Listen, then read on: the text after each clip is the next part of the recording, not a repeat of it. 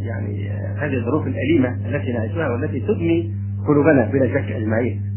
وتملأنا حزنا وحسرة وأسى على ما صار إليه واقع المسلمين من أن نستمر في يعني طاعة الله سبحانه وتعالى وعبادته بما في ذلك يعني دروس العلم التي أعتدنا عليها. فنعود إن شاء الله إلى دروس الفقه.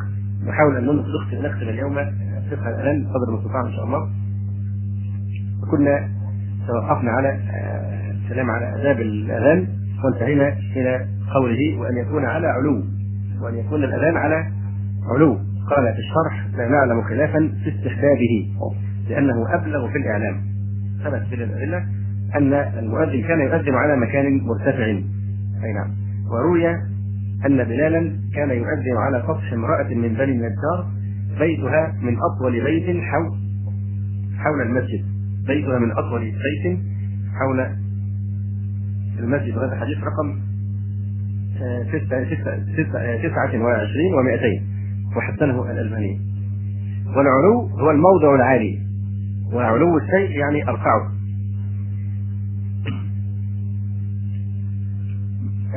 طبعا من أذن لنفسه أو لجماعة حاضرين معه لا يسن له المكان العالي لعدم الحاجة إليه. لكننا في الكلام الذي يعني الأذان الذي يكون في المسجد كي يدعو الناس ويعلمهم بدخول الوقت. الحديث الذي أشرنا إليه حديث عروة بن الزبير رواه عروة بن الزبير عن امرأة من بني النجار قالت كان بيت كان بيتي من أطول بيت حول المسجد وكان بلال يؤذن عليه الفجر فيأتي بسحر فيجلس على البيت ينظر إلى الفجر حتى يرى الأفق ضوء الفجر في الأفق. فإذا رآه تمطى ثم قال اللهم إني أستعينك وأستعديك على قريش أن يقيموا دينك. قالت ثم يؤذن رضي الله تعالى عنه. وأيضا في الحديث الذي فيه قصة بدء الأذان قال جاء فيه فقال رجل من الأنصار يا رسول الله رأيت رجلا كأن عليه ثوبين أخضرين فقام على المسجد فأذن ثم قعد قعدة ثم قام فقال مثلها إلا أنه يقول قد قامت الصلاة. والشاهد هنا في هذا الحديث قوله فقام على المسجد يعني قام على المسجد من أعلى يعني على مكان عالي. وفي حديث ابن عمر رضي الله عنهما قال كان لرسول الله صلى الله عليه وسلم مؤذنان بلال وابن أم مكتوم. فقال رسول الله صلى الله عليه وسلم إن بلالا يؤذن بليل فكلوا واشربوا حتى يؤذن ابن أم مكتوم. قال ولم يكن بينهما إلا أن ينزل هذا ويرقى هذا. هذا الحديث متفق عليه. والشاهد فيه قوله ولم يكن بينهما إلا أن ينزل هذا ويبقى هذا معناه إن إيه المؤذن بيكون على مكان مرتفع. أي نعم. وهذا طبعا فيما يتعلق بالأذان لا بالإقامة وإن كان بعض العلماء استحب أن يعني يقيم من نفس الموضع الذي أذن فيه إلا أن يشق ذلك. ولا يستحب في الإقامة أن تكون على موضع عام للذي ذكرناه وقال الإمام النووي رحمه الله تعالى وهذا محمول على إذا ما لم يكن مسجد كبير تدعو الحاجة فيه إلى العلو للإعلام يعني بالنسبة للإقامة لا يحتاج إلى أن يكون المؤذن على مكان عال في الإقامة يعني إلا إذا كانت هناك حاجة كأن يكون المسجد كبير ويحتاج أن يرتفع صوته ويظهر للناس المقيم. ولذلك لعل كان هذا هو يعني السبب وراء وجود بعض يعني شيء مثل منظمة مرتفعة كده يجلس عليها يقف عليها أحيانا المقيمون. في بعض المساجد. لأن هذا هو أصل هذا الأمر أنهم انه يتخذ مكانا عاليا حتى يقف عليه ويقيم ليرى ويسمع إذا كان المسجد كبيرا. نعم. ما في شك اليوم كثرات الصوت أغنت عن مثل هذا الآن. يناسب الكلام الآن أن نشير أيضا إلى يعني هذه السنة الميته سنه ميته في الحقيقة والإخوة ربما في بعض الأوقات كان عندهم من الهمة ما أحيوا فيها هذه السنة لكن فترت إلا في قليل من المساجد. أن الأذان السنة أن يكون على موضع عال عند باب المسجد. موضع عال عند باب المسجد. لماذا؟ كي يرى من لا يسمع وكي يسمع من لا يرى. يعني نفرض إن واحد جاي من بعيد يريد أن يعرف أو جالس في محل بعيد أو شيء من هذا فإذا كان هذا الشخص لنفرض أنه لا يرى فإذا سمع المؤذن علم سمع علم بالبلاغ فإذا كان يرى لكن لا يسمع واضح اصم لا يسمع. فرؤية اسم المؤذن هذا من شعائر الإسلام أن يظهر على عند الباب على مكان عال حتى يظهر ويراه الناس من آه، بعيد. فلعل هذه تكون حكمة في هذا التشريع. فالأقرب للسنة أن يكون الأذان آه، عند الباب على مكان عام صخرة أو أي شيء مرتفع عند باب المسجد هذه هي السنة. وإن كان بعض العلماء يخالف في هذا خاصة بعض استحدثت آلات التكبير التي تبلغ الصوت ويعني آه، ترفعه بطريقة يعني سهلة جدا. على أي حال المسألة محل اجتهاد من العلماء من يعني يتساهل في هذا النظر لوجود مكبرات الصوت ومنهم من يصر على استحباب ظهور أو بروز المؤذن بجسمه عند الباب على مكان عام إظهارا لشريعه الإسلام حتى تكون ظاهرة للناس وكي يعني يراه من لا يسمع فيعلم بدخول الوقت. يناسب أيضا في هذا المقام التنبيه على المنارة، المنارة، هل المنارة هذه التي تتخذ الان في المساجد هل هي كانت على عهد النبي صلى الله عليه وآله وسلم يعني في الحقيقة لم يصح شيء آه، في أن المنارة كانت متخذة على عهد رسول الله صلى الله عليه وآله وسلم أو المئذنه.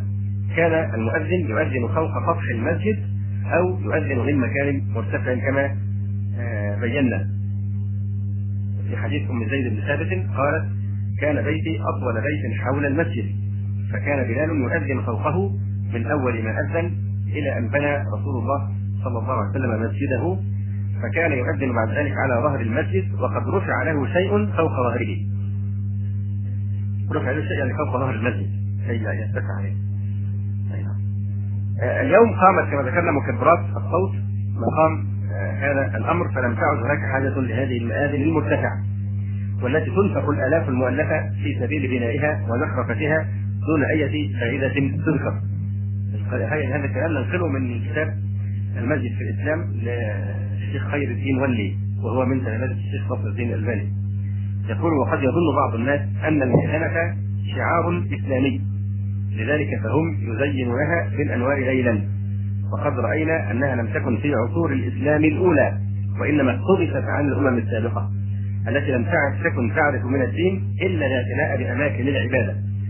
والإنفاق على ضخامة البناء وفجنة الطلاء والنقوش الفاخرة والأبراج العالية والأكواس الضخمة والخباب الفخمة والاكتفاء بالقصور دون اللباب دون اللباب فكم أخفت هذه المظاهر خلفها من شرك وخرافات وأضاليل والإسلام لا ينظر إلى الجوهر.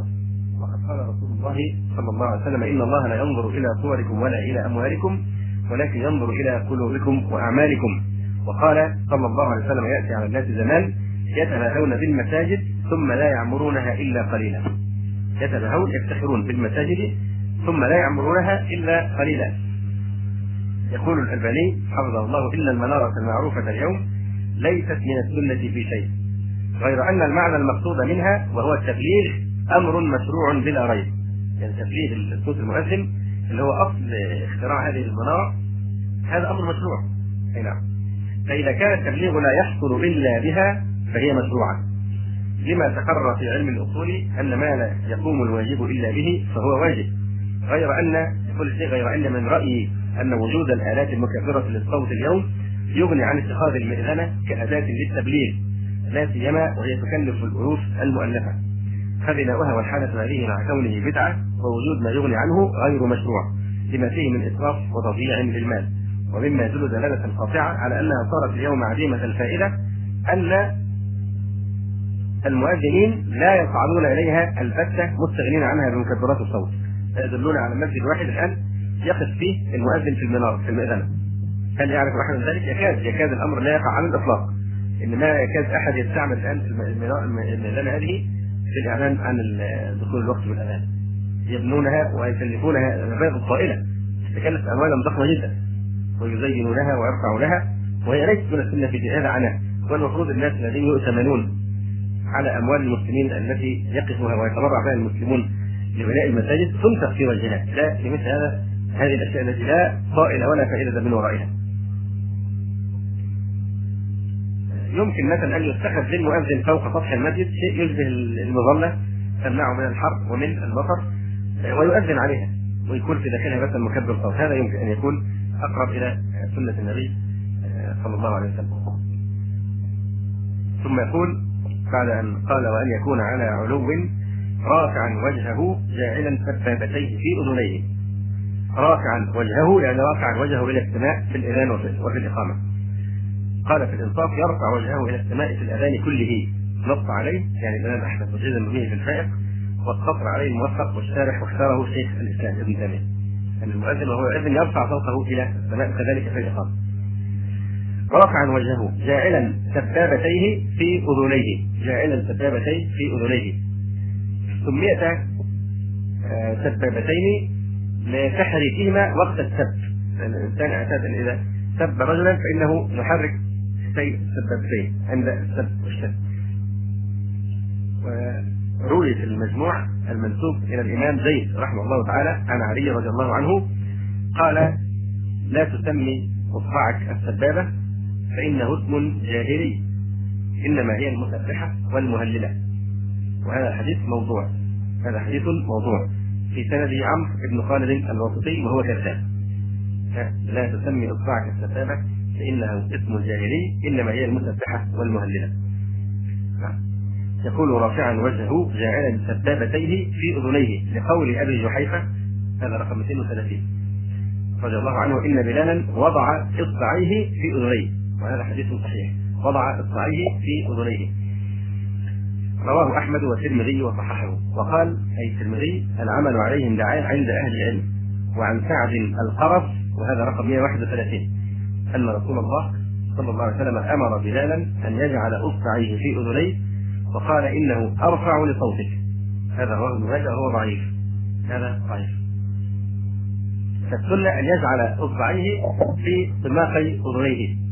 قال النووي قال أصحابنا وفيه فائدة أخرى وهي أنه ربما لم يسمع إنسان صوته لصمم أو بعد أو غيرهما فيستدل بإصبعيه على اذانه يعني ممكن واحد من بعيد يكون لا يسمع الصوت إما لأنه بعيد وإما آه لآفة عنده. فإذا رأى لو رأى المؤذن واقفا في حالة عادية ربما يقول هذا واقف منتظر لكل وقت أو بيفعل أي شيء. لكن إذا رآه وقد وضع سبابتيه في أذنيه تكون علامة لمثل هذا الشخص الذي لا يسمع آه، على أنه يؤذن وأن الوقت قد حان. يقول وفيه فائدة أخرى وهي أنه ربما لم يسمع إنسان صوته لصمم أو بعد أو غيرهما فيستدل بإصبعيه على أذانه فإن كان في إحدى يديه علة تمنعه من ذلك جعل الإصبع الأخرى في سماخه ولا يستحب وضع الإصبع في الأذن في الإقامة. يعني هذا الأدب إنما هو مستحب في الأذان فقط. أما في الإقامة فيفعل ذلك أيضا في الإقامة. مستقبلا القبلة. مستقبلا القبلة. يعني المؤذن وهو يؤذن يستقبل القبلة. يقول لفعل مؤذنيه صلى الله عليه وآله وسلم. وهذا الحديث ضعيف. اللي هو أن المؤذنين كانوا يستقبلون القبلة. وقال ابن المنذر أجمع أهل العلم على أن من السنة أن يستقبل القبلة في الأذان. أجمع أهل العلم على أن من السنة أن يستقبل القبلة في الأذان. لأن القبلة طبعا هي أشرف الجهات ولأن استقبالها هو الذي نقل عن السلف والخلف وأنه مستحب في كل طاعه إلا بدليل كالخطبة. يعني مستحب في كل طاعه ذكر قراءة القرآن. عموما الإنسان يستقبل يعني يعظم جهة القبلة. إلا ما ثبت الدليل بخلافه كحالة الخطبة أن الرسول عليه السلام كان إذا خطب طبعا في الجمعة يستدبر القبلة ويستقبل آه المصلين. فإن أخل إن أخل باستقبال القبله إن أذن وهو لم يستقبل القبله كره وصح. كره منه هذا الفعل وصح أذانه طبعا. لماذا؟ لأن المقصود من الأذان الإعلام وقد حصل. المقصود من الأذان الإعلام وقد حصل. يستثنى المسافر الراكب أو الماشي فإنه يؤذن إلى جهة سيره يؤذن إلى جهة سيره ثم يقول ويلتفت يمينا لحي على الصلاة وشمالا لحي على الفلاح حي هي إيه؟ اسم فعل أمر بمعنى هلم أو اقبل آه. حي مش حي أو حي تكون حي مبنية على الفتح ويلتفت يمينا لحي على الصلاة وشمالا لحي على الفلاح لقول أبي جحيفة وهذا رقم 233 رأيت بلالا يؤذن فجعلت أتتبع فاه ها هنا وها هنا يقول يمينا وشمالا حي على الصلاة حي على الفلاح. هذا حديث متفق عليه. طبعا الحيعلة الحيعلة الحاء والعين لا يجتمعان في أصول صحيحة لكلمة. إلا إذا كانت مركبة من كلمتين كما في هذه الكلمة. حي على. فركبوا منها كلمة واحدة سموها الحيحله كالبسمله والحوقلة والسبحله إلى والى غير ذلك. فحي على مأخوذة حي مأخوذة من الحاء والياء وعلى مأخوذة من كلمة على حي على. يستحب للمؤذن أن يدير وجهه برأسه وعنقه على يمينه. رأسه وعنقه على يمينه. إذا قال حي على الصلاة وعلى يساره إذا قال حي على الفلاح. ولا يزيل قدميه عن القبلة في التفاته لكن تظل القبلة قدماء مستقبلتين القبلة. روى أبو داود عن أبي جحيفة رضي الله عنه قال أتيت رسول الله صلى الله عليه وسلم وهو في قبة حمراء من أدم فخرج بلال فأذن فلما بلغ حي على الصلاة حي على الفلاح التفت يمينا وشمالا ولم يستدر ولم يستدر يعني إيه يحرك قدميه. أي نعم. قال شيخ الإسلام والسنة في الإقامة أن يقولها وهو مستقبل القبلة. ولم يستثني العلماء إلا الحيعله في الأذان. كذلك في الإقامة يقول وهو مستقبل القبله ولا يقيم وهو يمشي لكن يعني يقيم اولا ثم يتحرك. هذا أولى. وكما اشرنا كلمة حي بمعنى هلم وأقبل إلى الصلاة. حي على الصلاة معروف حي على الفلاح قلنا إن الفلاح هو الفوز والخلود والبقاء في النعيم المقيم. يقال للفائز مفلح. والمراد هلموا وعجلوا إلى طلب ذلك. هلموا وعجلوا إلى طلب الفلاح والفوز في جنه الرضوان. اختلف العلماء بالذات علماء الشافعية في كيفية هذا الالتفات المستحب في الاذان أصح الأوجه كما قال النووي رحمه الله أن يلتفت عن يمينه فيقول حي على الصلاة حي على الصلاة. ثم يلتفت عن يساره فيقول حي على الفلاح حي على الفلاح. هذا أصح الاقوال في كيفية هذا الالتفات. القول الثاني أنه يلتفت عن يمينه فيقول حي على الصلاة ثم يعود إلى القبلة ثم يلتفت عن يمينه فيقول حي على الصلاة. ثم يلتفت عن يساره فيقول حي على الفلاح ثم يعود إلى القبلة ثم يلتفت عن يساره فيقول حي على الفلاح. إذا الفرق هنا في إيه؟ في عودته إلى القبلة بعد الحي على. واضح؟ القول الأول أنه يلتفت حي على الصلاة حي على الصلاة. حي على الفلاح حي على الفلاح. أما في القول الثاني حي على الصلاة ثم يرجع للقبلة. حي على الصلاه ثم يرجع إلى القبلة. حي على الفلاح ثم يرجع إلى القبلة. حي على الفلاح ثم يرجع إلى القبلة. أما القول الثالث فإنه يعني في كيفية الالتفات المستحب في الأذان أن يقول حي على الصلاة مرة عن يمينه ومرة عن يساره. حي على يعني حي على الصلاة مرة عن يمين. حي على الصلاة الثانية على على إيه؟ عن يسار ومرة عن يساره ثم يقول حي على الفلاح عن يمينه ثم حي على الفلاح عن يساره.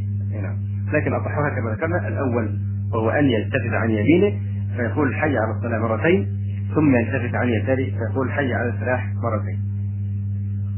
قال القاضي أبو الطيب وغيره فإن قيل استحببتم التفات المؤذن في الحي علتين وكرهتم التفات الخطيب في شيء من الخطبة فما الفرق؟ يعني لماذا في الاذان استحببنا التفات المؤذن في الحي علتين في حين في خطبة الجمعة كرهنا أن يلتفت الخطيب في اي شيء من الخطبة بل يكون مستقبلا الناس فما الفرق؟ قلنا الخطيب واعظ للحاضرين. الخطيب واعظ للذين هم يعني أصلا موجودون في المسجد. الخطيب واعظ للحاضرين. فالأدب ألا يعرض عنهم. هذه أن يحول وجهه يمنه أو يسرع فالأدب ألا يعرض عنهم. بخلاف المؤذن فإنه داع للغائبين. فإذا التفت كان أبلغ في دعائهم وإعلامهم وليس فيه ترك أدب. قال النووي رحمه الله قال أصحابنا والمراد بالالتفات أن يلوي رأسه وعنقه أن يلوي رأسه وعنقه ولا يحول صدره عن القبلة ولا يزيل قدمه عن مكانها بالنسبة للإقامة هل يستحب الالتفات في الإقامة؟ قال النووي رحمه الله تعالى فيه ثلاثة أوجه أصحها يقول النووي يستحب والثاني لا يستحب ورجحه البغوي لأن الإقامة للحاضرين فلا حاجة إلى الالتفات لأن الإقامة أصلا لمن؟ للحاضرين اذان للغائبين. فلذلك يعني يعني يلتفت حتى يبلغ الجهات المختلفة. أي نعم. أما الإقامة فإنه يعني تكون للحاضرين فلا حاجة إلى الالتفات القول الثالث لا يلتفت إلا أن يكبر المسجد. إذا كان مسجدا كبيرا فيلتفت في الحيعلتين إذا اقاموا الصلاة. قال النووي قال أصحابنا وإذا شرع في الإقامة في موضع تممها فيه ولا يمشي في أثنائها.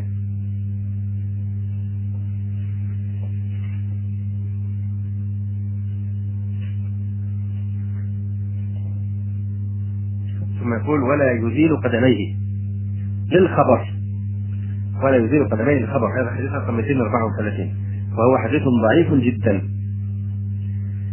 ولا يزيل قدميه وسواء كان بمنارة أو غيرها وقال القاضي والمجد ما لم يكن بمنارة فإنه يزول يعني اختلفوا في ان هو هل يزيل قدميه أو لا يزيل قدميه. الظاهر هنا أنه اعتمد على الخبر الصحيح وقال لا يزيل قدميه. لكن بعض العلماء الذين قالوا نعم لا يزيل قدميه لكن يستثنى. إذا كان يؤذن في منارة فالمفروض ان هو في المنارة يعني يحتاج إلى الحركة حتى يبلغ أكبر عدد من الناس في الجهات المختلفة. فإذا لزم القبلة ولم يلتفت إلا في الحيعلتين فربما كان أقل في الإعلام فقالوا وان إن حصل الإخلال بأدب الأدب اللي هو إيه؟ عدم الالتفات الإخلال بالأدب اولى من الإخلال بالمفروض من الأدب وإعلام عدد من الناس واضح؟ قالوا حتى لو فيها إخلال اللي هو انه يتحرك في المنارة في جهات مختلفة وهو يؤذن قالوا إن الإيه؟ الإخلال بالادب بأدب أولى من الإخلال بالمقصود وهو الإعلام فإن الدوران في المنارة بالذات إذا كانت بلد بلدا كبيرة وتمد الحاجة إلى رفع الصوت فهذا يكون أبلغ في الإعلام.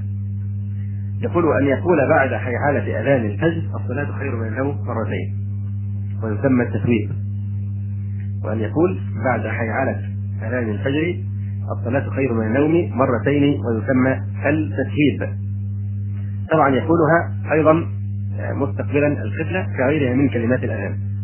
يعني هو يقول الصلاة خير النوم أيضا يظل مستقبلا القبلة تماما كما يحصل في باقي ألفاظ الأذان على الحيعلتين يقول لقول بلال وهذا حديث رقم 235 أنا رسول الله صلى الله عليه وسلم أن أثوب في الفجر ونهاني أن أثوب في العشاء. هذا رواه ابن ماجه وهو ضعيف.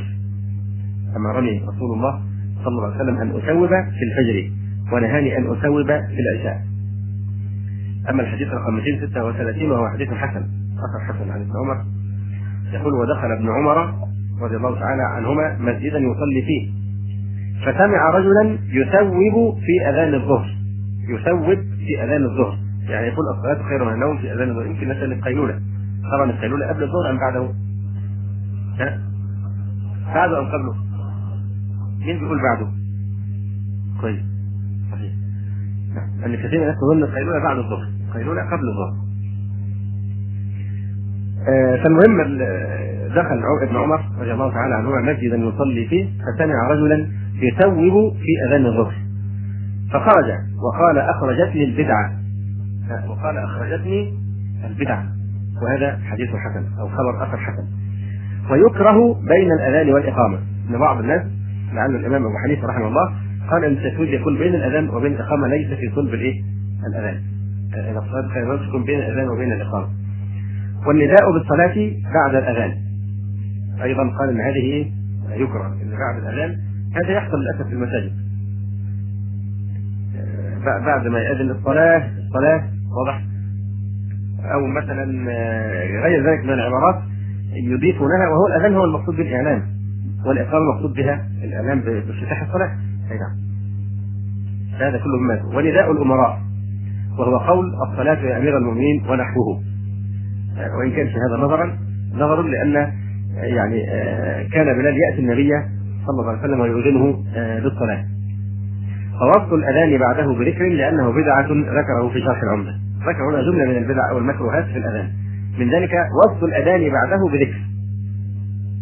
يعني بعد ما يقول في آخر الأذان الله أكبر الله أكبر لا إله إلا الله المفروض انتهى الأذان عند هذه الألفاظ لا إله إلا الله.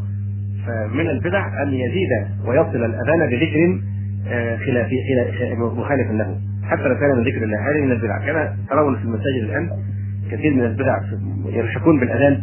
بعض التغزل في يعني شأن النبي عليه الصلاة والسلام والرسول غني عن بدعهم وضلالهم. يا أبيض الخدين يا يا أبيض الوجه يا أحمر الخدين يا مش عارف إيه. يظلون يتمدحون بهذه الصفات.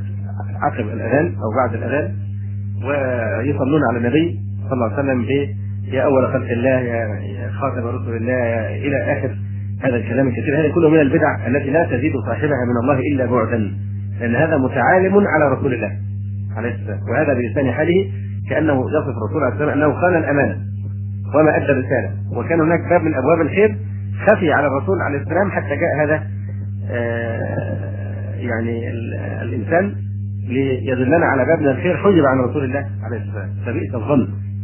نعم. فالشاهد أن أمور الدين لا يزاد فيها ولا ينقص منها. فإن النبي عليه السلام ما ترك أمرا يقربنا من الجنة إلا ودلنا عليه. وما ترك أمرا يعني يبعدنا منها إلا وحذرنا منه. فليس هناك أحد أكمل نصحا للأمة من رسول الله صلى الله عليه وآله وسلم. نعود إلى موضوع التثويب وكما ذكرنا التثويب هنا في هذا المقام الذي نتكلم فيه المقصود به ان يقول المؤذن بعد ما يقول حي على الصلاة حي على الصلاه يقول إيه؟ الصلاة خير من النوم الصلاة خير من النوم كما ذكرنا مستقبل القبلة أيضا. آه، جاء حديث عن ابن عمر رضي الله تعالى عنهما قال كان في الأذان الأول بعد الفلاح الصلاة خير من النوم مرتين. كان في الأذان الأول بعد الفلاح الصلاة خير من النوم مرتين. قال الحافظ إسناده حسن. وروى أبو داود والنسائي بإسناد جيد. آه، أثرا وإذا أذنت الأول من الصبح فقل الصلاة خير من النوم الصلاة خير من النوم. فيفهم من هذين آه، الخبرين أن التسويد إنما يكون في الأذان الأول في صلاة الفجر. لكن العلماء في الحقيقة مختلفون في هذا الأمر مختلفون في موضع هذا التسويد. فبعض العلماء كما اشرنا اعتمادا على هذه الأدلة قالوا أنه يكون إذا أذن قبل الفجر إذا أذن قبل الفجر يسوف لأن بلالا كان يؤذن بليل. وفي الحديث الذي ذكرناه انفا وإن كان الحديث ضعيف ضعيفا أن بلالا قال أمرني رسول الله صلى الله عليه وسلم أن اسوب بالفجر. واضح؟ أمرني أن اسوب بالفجر. إذا صح هذا الحديث وثبت أن منه أن بلالا كان قد أمره النبي عليه الصلاه والسلام أن يسوب في الفجر. أن يسوس في الفجر. فطبعا هذا يكون في أي أذان؟ لأن بلالا كان يؤذن بليل قبل أذان ابن أم مكتوم. فدل على أن التسويف إذا صح هذا الحديث طبعا لكن كما ذكرنا هو ضعيف. وفي حديث أبي محذورة فإذا كان أذان الفجر فقل الصلاة خير من النوم مرتين. وأخرج الترمذي حديث بلال لا تسويب في شيء من الصلوات إلا في صلاة الفجر. قال وهو الذي اختاره أهل العلم وصح عن أنس أنه قال من السنة. لكن طبعا هذا لا يحسم القضية. لأن النص إيه؟ كلام بلال لا تسويب في شيء من الصلوات إلا صلاة الفجر. نعم هذا متفق عليه. لكن في أي موضع؟ آه الذين قالوا يعني الذين قالوا إن التسويب يكون في الأذان الأول في صلاة يعني أذان الفجر الأول استدلوا بالاثار التي ذكرناها انفا واستدلوا أيضا قالوا إنه وقت ينام الناس فيه غالبا. فالحكمة واضحة في أن يكون التسويب في الأذان الأول. لماذا؟ لأن المقصود من الأذان تنبيههم كي يستيقظوا ويقوموا من نومهم. فلذلك يقول لهم الصلاة خير من النوم فهذا أول ما يترك أسماعهم من الأذان وهذا يناسب أن يكون في الأول. فاختصت اختص الأذان الأول بالتسويد لاختصاصها بالحاجة إليه. وقال الإمام النووي رحمه الله تعالى ظاهر إطلاق الأصحاب أنه يشرع في كل أذان للصبح. يشرع في كل أذان للصبح. يعني سواء ما قبل الفجر أو بعده. وقال صاحب التبعيد للتهريب إن ثوب في الأذان الأول لم يثوب في الثاني في أصح الوجهين. إذا ثوب في الأول لم يثوب في الثاني. طب إذا لم يؤذن الأول واحد بيؤذن مسجد بيؤذن أذان واحد فقط. يثوب أم لا يثوب؟ يثوب. أيضا لنفس الحكمة والله تعالى عنه ثم يقول في هنا الحقيقة شيء من مما يطلب في المؤذن في هذه الآداب لم يذكره آه، هنا في منار السبيل فنعرض عليه وهو يتعلق بتحريم أخذ الأجرة على الأذان والإقامة. يحرم على الإنسان أن يأخذ أجرة على الأذان والإقامة، أجرة معناها أنه يقاول يعني يقول أنا آخذ أجر بكذا مقابل الأذان والإقامة، لماذا؟ لأن الأذان والإقامة قربة لفاعله تماما كالصلاة كقراءة القرآن هل ممكن أن يطلب أجر على لأنك بتصوم رمضان هل تطلب أجرا واحد عشان تصوم رمضان؟ الاجر يطلب من الله سبحانه وتعالى هذه قربة محضه واضح؟ فالأذان والإقامة قربة لفاعله فلذلك يحرم على الإنسان أن يأخذ اجره على الأذان والإقامة. هذا في المذهب الحنبلي وإن كان العلماء الشافعيين يبيحون آه، ذلك يقول إنه عقد معلوم على فعل معلوم فما ما فيه يعني غرر أو في شيء. فالمهم المذهب الحنبلي يرى تحريم أخذ الاجره على الأذان والإقامة لأنهما قربة لفاعله لا يصح إلا من مسلم فلم يستأجر عليه كالإمامة في الصلاة. فإذا حرم أخذ الأجرة على الأذان والإقامة يحرم أيضا دفعها. يحرم إنسان يدفع مالا لواحد مقابل أن إيه؟ أن آه، يؤذن ويقيم.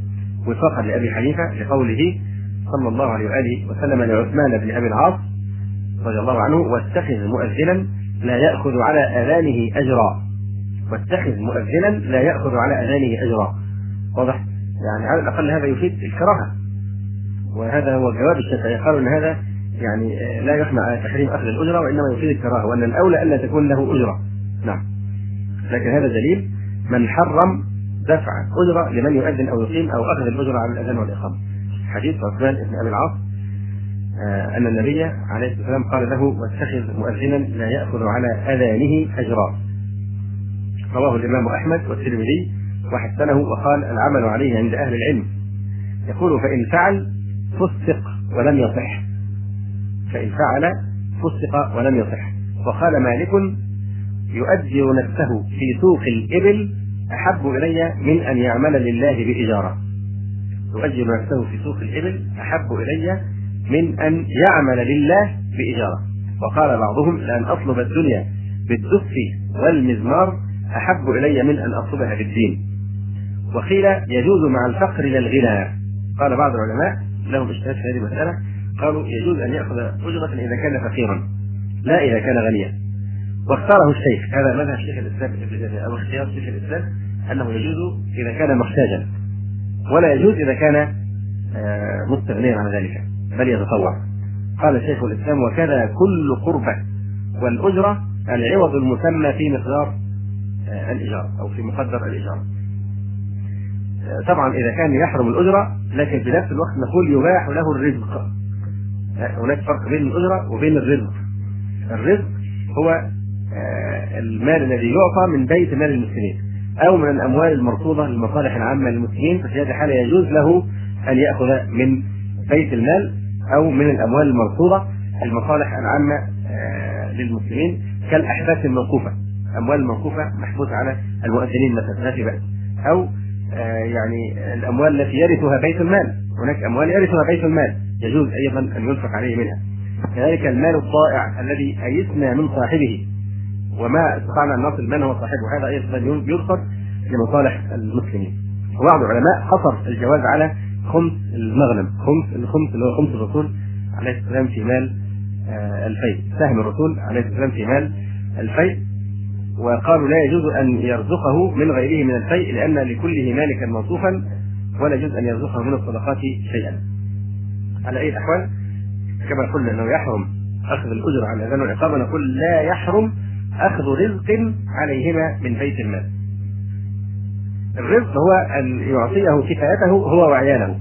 الفرق بين الرزق وبين الأجرة أن الرزق أن يعطيه كفايته هو وعياله. والأجرة ما يقع به التراضي ما يقع به التراضي بين الطرفين حتى وإن خلى عن ذلك. آه، فالحاصل أنه لا يحرم أخذ رزق رزق من بيت المال لأنه المعد للمصالح فلا يحرم الأخذ منه لمؤذن ولمقيم وكذا إمام ونحوه. لعدم متطوع أي متفرع بالأذان والإقامة ونحوه لابد حتى يباح أخذ الرزق اللي هو من بيت المال. واضح؟ وفي هذا الزمان ممكن طبعا كوزارة الأوقاف لأن هذه الأوقاف أصلا أموال موقوفة للمسلمين ثم حصل فيها ما حصل. لكن مثل هذه الأموال يجوز أن لو واحد يشتغل يعني موجود في مسجد مؤذن إذا كان رزق من بيت المال ومن مصالح منصوب للمصالح العامه للمسلمين ياخذ ما في آه، حرج آه، في ذلك. لماذا؟ لأن هذا مال معد لمصالح المسلمين. لكن لا يحل أن يعطى رزقا إلا عند فقدان المتطوع.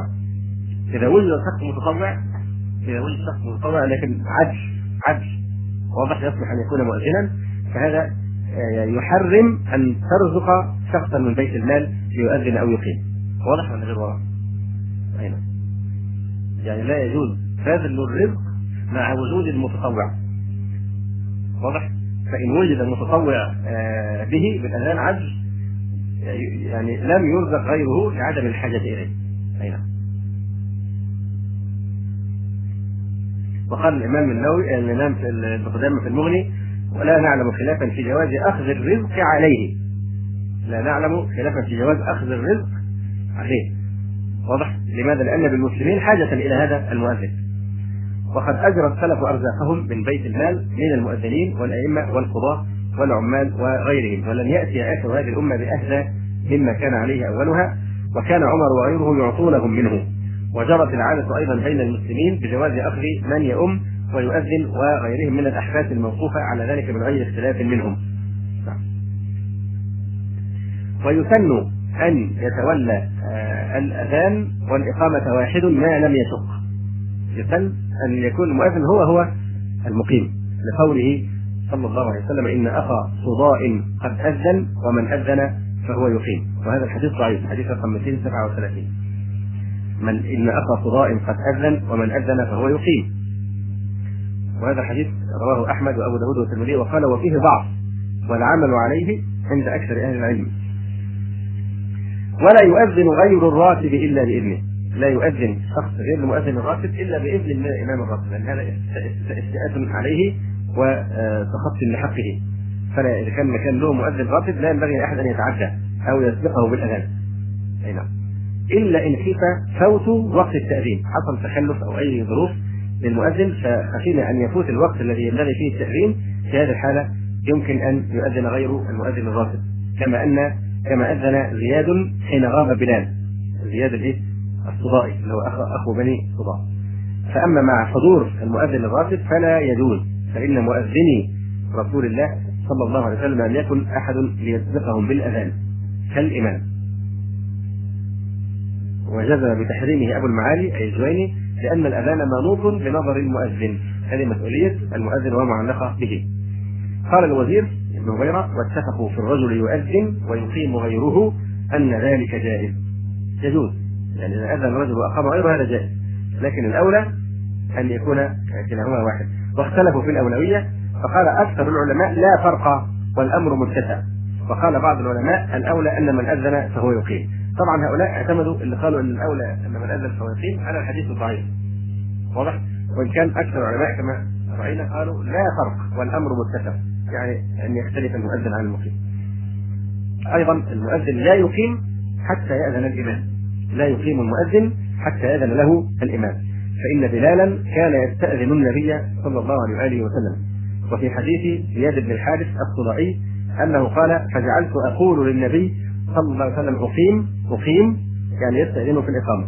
وكما أشرنا في الحديث ضعف وروى أبو حفص بإسناده عن علي رضي الله عنه قال المؤذن أملك بالأذان والإمام أملك بالإقامة.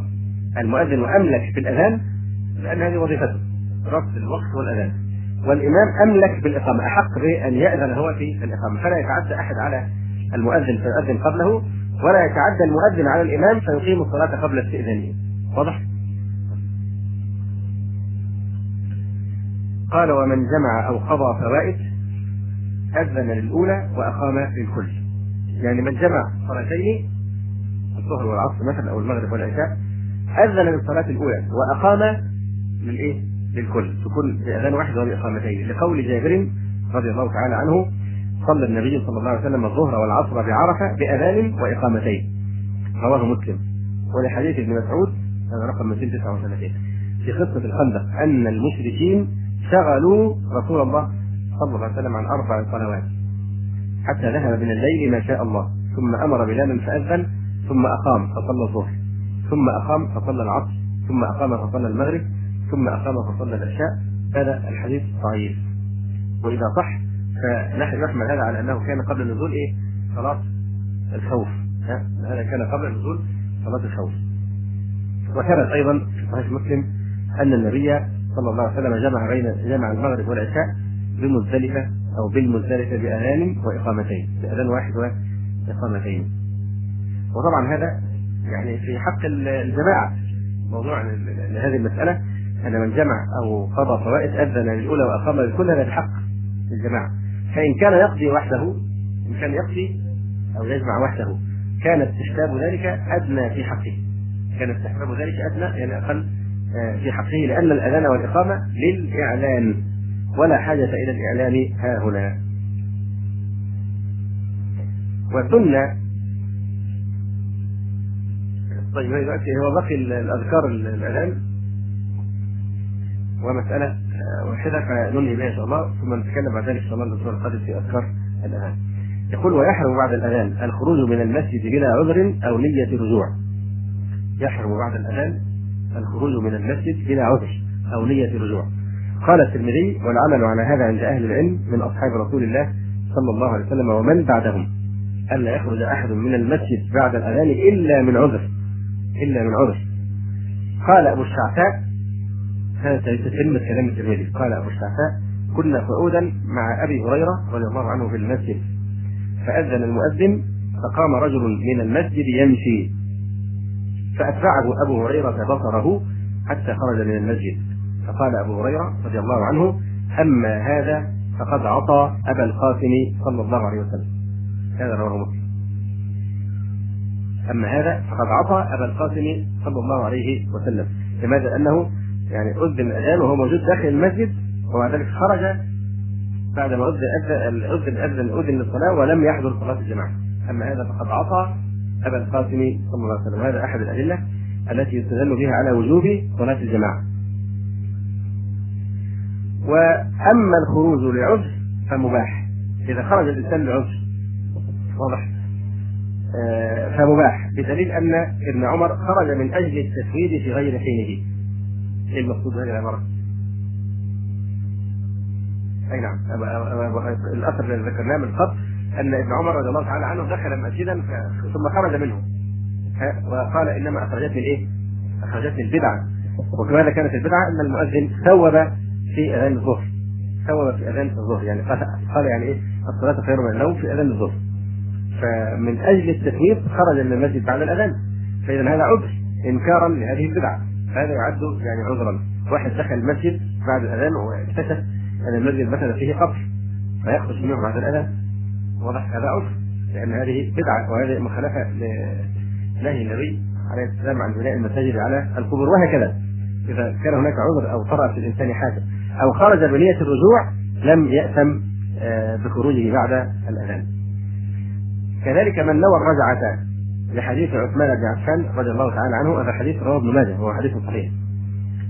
عن عثمان بن عفان رضي الله عنه قال قال رسول الله صلى الله عليه وسلم من أدركه الأذان في المسجد ثم خرج لم يخرج لحاجة وهو لا يريد الرجعة فهو منافق. هذا رواه ماجه وصححه الألباني. من أدركه الأذان في المسجد ثم خرج لم يخرج لحاجة وهو لا يريد الرجعة فهو منافق. من أدركه الأذان في المسجد ثم خرج لم يخرج لحاجة وهو لا يريد الرجعة فهو منافق أما المؤذن فإذا أذن المؤذن في الوقت إذا أذن المؤذن في الوقت كره له أن يخرج من المسجد إلا أن يكون لحاجة ثم يعود لأنه ربما احتاج إلى إقامة الصلاة فلا يوجد المؤذن وإن أذن قبل الوقت للفجر فلا بأس بذهابه لماذا؟ لأنه لا يحتاج إلى حضوره في ذلك الوقت. نكتفي اليوم بهذا القدر وإن شاء الله نكمل فيما بعد بإذن الله. وتعالى. قد انتهينا في الكلام على فقه الأذان إلى الكلام على الأذكار القولية الموظفة المتعلقة بالأذان. وهذه الأذكار الموظفة فيما يتعلق بالأذان خمس. أولاها إجابته. الثانية أن تكون رضيت بالله ربا إلى آخره. الثالثة الصلاة عليه صلى الله عليه وسلم. الرابعة سؤال الوسيلة والفضيلة لرسول الله صلى الله عليه وسلم. الخامسة الدعاء لنفسه بما شاء. فنفصل في كل من هذه الوظائف. أما أولاها فهو إجابة المؤذن. فإنه يستحب لمن سمع المؤذن أن يكون من قلبه مثل ما يقول المؤذن أو المقيم. وهذا القيد مهم جدا حتى يترتب عليه الفضيلة المذكورة في الحديث كما سيأتي إن شاء الله. أن يكون من قلبه أن يكون من قلبه يستحضر أو يحضر قلبه عند آه، يعني هذه الأذكار. يقول من قلبه مثل ما يقول المؤذن أو المقيم. فاغلب الناس يغفلون عن هذا الأمر فإذا تابعوا المؤذن فإنهم لا يتابعون المقيم ويفرطون في هذا باستمرار. أن المقيم أيضا إذا أقام من السنة أن تتابعه وإلا فإن بعض الناس قد استعاضوا عن ذلك بأمور أخرى. مثلا مثل أن يقولوا أقام الله أقامها الله وادامها وهذا لم يثبت فيه حديث لأن الحديث الوارد فيه حديث ضعيف. أو آه، أن يقتصروا فقط على أن يعني يجيب المقيم في قوله لا إله إلا الله. فتجد كل المسجد يقول لا إله إلا الله دون أن يتابعوه في آه، يعني الإقامة. نعم. أولى هذه السنن كما ذكرنا أن تكون من قلبك مثل ما يقول المؤذن والمقيم إلا عند قوله حي على الصلاة حي على الفلاح فإنه يقول بعد كل منها لا حول ولا قوة إلا بالله. طريق القول المروي أن يقول كل كلمة عقب فراغ المؤذن منها لا أن يقول الكل بعد فراغ الأذان. يعني بعد ما يسمع كل كلمة آه، يكرر خلف المؤذن. لا أن يقول كل هذه الأذكار بعد المؤذن ما يفرغ من كل الأذان. لبعض الناس يمكن أن يفهموا من ظاهر الحديث هكذا. بعد ما يفرغ المؤذن تقول مثل ما يقول. واضح؟ لكن المقصود أن تقول كل كلمة بعدما يفرغ منها المؤذن لا أن تقول الكل جملة واحدة بعد فراغ المؤذن. أما أدلة هذه الوظيفة فما رواه أبو سعيد الخدري رضي الله تعالى عنه قال قال رسول الله صلى الله عليه وسلم إذا سمعتم النداء فقولوا مثل ما يقول المؤذن. إذا سمعتم النداء فقولوا مثل ما يقول المؤذن. وهذا الحديث متفق عليه رواه الشيخان البخاري ومسلم. وظاهر هذا الحديث أنه يقول مثل ما يقول في جميع ألفاظ الأذان. فقولوا مثل ما يقول المؤذن. يعني أنه يوافقه ويقول مثله في كل ما يقول. هذا عام. ذهب إليه بعض العلماء وقالوا نعم يقول مثل ما يقول. يعني فلا يقول حي على في حي في الحيعلتين لا حول ولا قوة إلا بالله. لكن يقول حي على الصلاة حي على الفلاح كما يقول المؤذن. هناك من آه، قالوا بل نجمع بين الأمرين. نقول مثل ما يقول و نقول أيضا لا حول ولا قوة إلا بالله. يعني إذا المؤذن قال حي على الصلاة فأنت تقول حي على الصلاة لا حول ولا قوة إلا بالله. جمعا بين الدليلين. والأقرب والله تعالى أعلم أنك تقول كما ثبت ذلك في السنة كما يقول ما عدا في الحيعلتين فإنك تقول لا حول ولا قوة إلا بالله. آه، والله تعالى أعلم. ف أيضا هنا في قوله صلى الله عليه وسلم إذا سمعتم النداء إذا سمعتم النداء فقولوا مثل ما يقول. قول النبي صلى الله عليه وسلم إذا سمعتم ظاهره اختصاص الإجابة آه، بمن سمع. يعني الاختصاص الإجابة أن الذي آه، عليه أو يستحب له أن يجيب المؤذن وأن يقول مثل ما يقول المؤذن هو من سمع لأن الشرط إيه؟ إذا سمعتم المؤذن فقولوا مثل ما يقول. ف آه، يعني ظاهر ذلك ظاهر قوله إذا سمعتم ظاهره الاختصاص بمن سمع. حتى لو رأى المؤذن على المرارة مثلا في الوقت وعلم أنه يؤذن لكن لم يسمع أذانه إما لأنه بعيد عنه أو لصمم لا تشرع له المتابعة. هذا ما ذكره النووي رحمه الله تعالى في شرح المهذب يعني لا تشرع المتابعة إلا لمن سمع أذان المؤذن. قد يطرأ هنا سؤال. طيب بالنسبة لمن يسمع اذان المسجل أو جهاز الراديو والله أعلم يمكن تخريج ذلك على ما قاله العلماء آه، في قضية مماثلة وهي إذا كان عند إنسان بالطغاء مثلا. وضع إذا كان عنده هكذا خرجها فقهاء الشافعية. قالوا إذا كان إنسان عنده ببغاء وهذا الببغاء آه، طبعا في بعض الببغاوات ترتفع اثمانها جدا لأنها تتقن المحاكاة إتقانا عظيما. ف إذا كان هذا هذا البغاء متقنا للمحاكاة حتى إنه لقيت آه، له مثلا آية فيها سجدة. تلا آية أو كرر آية فيها سجدة. هل تسجد لتلاوته أو لترجيله أو يعني هذه المحاكاة أم لا؟ قالوا لا يعني هو لا يقصد بها التعبد ولا يفقه معناها. واضح؟ وإنما يكرر ما مر عليه أو ما سمعه كثيرا أو حتى قليلا. واضح؟ فكذلك إذا الانسان سمع من جهاز التسجيل آية فيها سجدة فلا يكون يعني حكمه مثل حكم من سمع التالي يتلو القرآن الكريم وفيه آية سجدة. فالمسجل هذا عبارة عن يعني جهاز حديد يعني معدن أو أو جماد يعني. كذلك إذا يعني قد يكون نفس التخريج والله تعالى أعلم في فيما يتعلق بسماع الأذان من الراديو أو من الإذاعة. لذلك لا يعتد به لا في صلاة الجماعة المذياع مثلا واضح ولا يعتد به في آه، صلاة الجمعة أو في الأذان بل لابد من أن يؤذن مؤذن كما هو معلوم. أيضا قوله عليه الصلاة والسلام إذا سمعتم النداء فقولوا مثل ما يقول المؤذن فقولوا.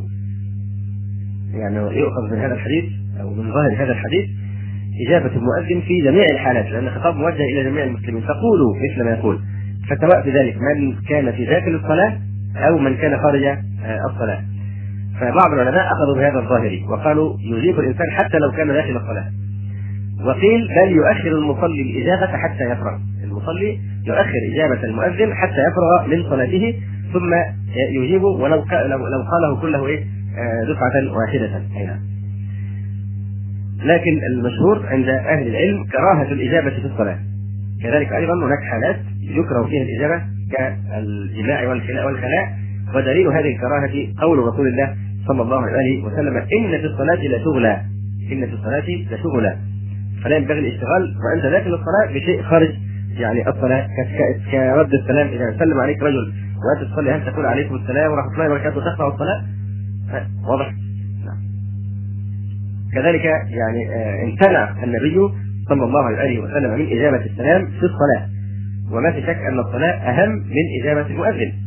ومع ذلك امتنع منه النبي صلى الله عليه وسلم آه، فيما يتعلق بحكم الإجابة يعني معنى إذا إذا آه، إجمال هذا الكلام الذي تقدم إذا سمعتم النداء فقولوا مثل ما يقول ما لم يمنعكم من ذلك مانع كالصلاة أو غيرها من الأحوال التي يكره فيها ذلك حتى تفرغوا وبعد ذلك تجيبون المؤذن ولو كان ذلك يعني أن تقول كل تردد كل الأذان بعد فراغ المؤذن وبعد فراغك مما من الصلاة أو غيرها.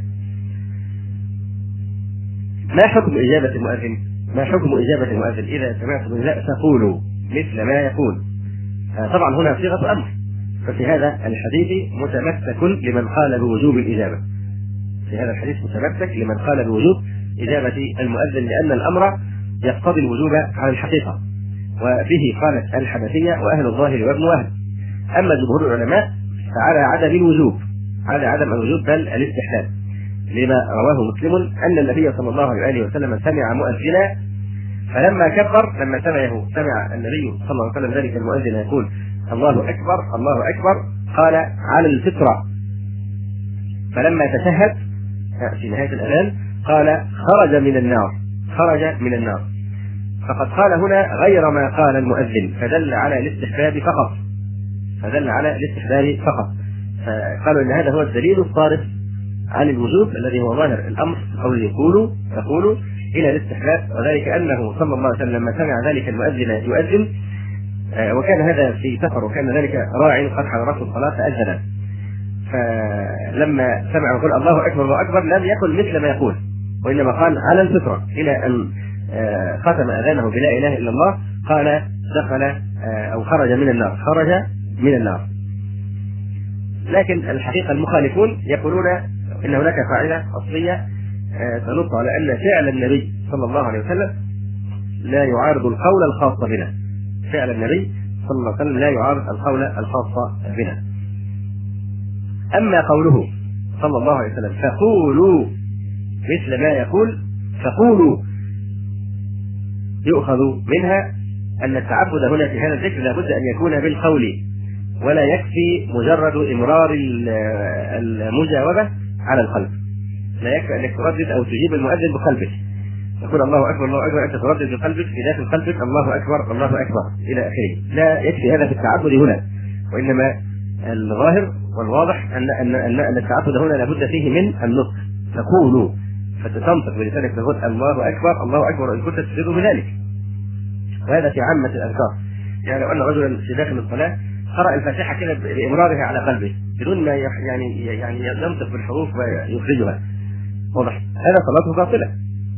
بيصلي بقلبه كده واقف يصلي بقلبه. هذا لا تصح صلاته. فأي ذكر كما قال العلماء فيه كلمة من قال كذا فالقول لابد أن يكون بالنطق باللسان حتى لو في الصلاة السرية وإلا ما تصح لك الصلاة.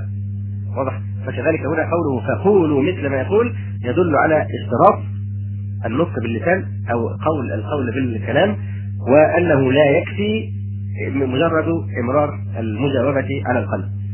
تقول مثل ما يقول المؤذن. مثل. و يعني ظاهر كلمة مثل يفهم منها أنك تقول تماما مثل ما يقول المؤذن وان أنه لابد من المساواة من جميع الوجوه لاتفاقهم على أنه لا يلزم المجيب أن يرفع صوته ولا غير ذلك. يعني بعض العلماء قالوا المثلية هنا ليست مطلقة، طبعا أوضح ما يكون إن ما فيش مثلية ليس هناك مثلية كاملة آه، أنك تخالفه. إذا قال هو حي على الصلاة أن تقول لا حول ولا قوة إلا بالله. يعني تقول مثل ما يقول إلا في الحيعلتين. كذلك إذا كان هو يرفع صوته فأنت لا ترفع صوته مثله. صوتك مثله ولكنك تجيب إيه؟ في نفسك واضح؟ هذا أيضا ينافي المثلية.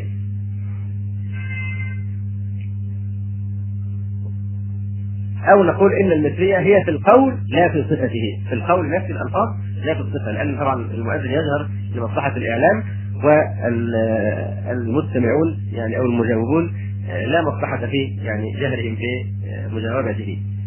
تقول مثل ما يقول المؤذن مثل ما يقول. وهذا الحديث طبعا كما كان متفق عليه. قوله صلى الله عليه وسلم مثل ما يقول ولم يقل مثل ما قال. مثل ما قال هل يمكن لأحدكم أن يقول ما الفرق؟ يعني إيه الحكم ممكن نستفيده من كلمة تقول مثل ما يقول المؤذن؟ ما الحكمة من أن النبي صلى الله عليه وسلم يقول تقول مثل ما قال المؤذن؟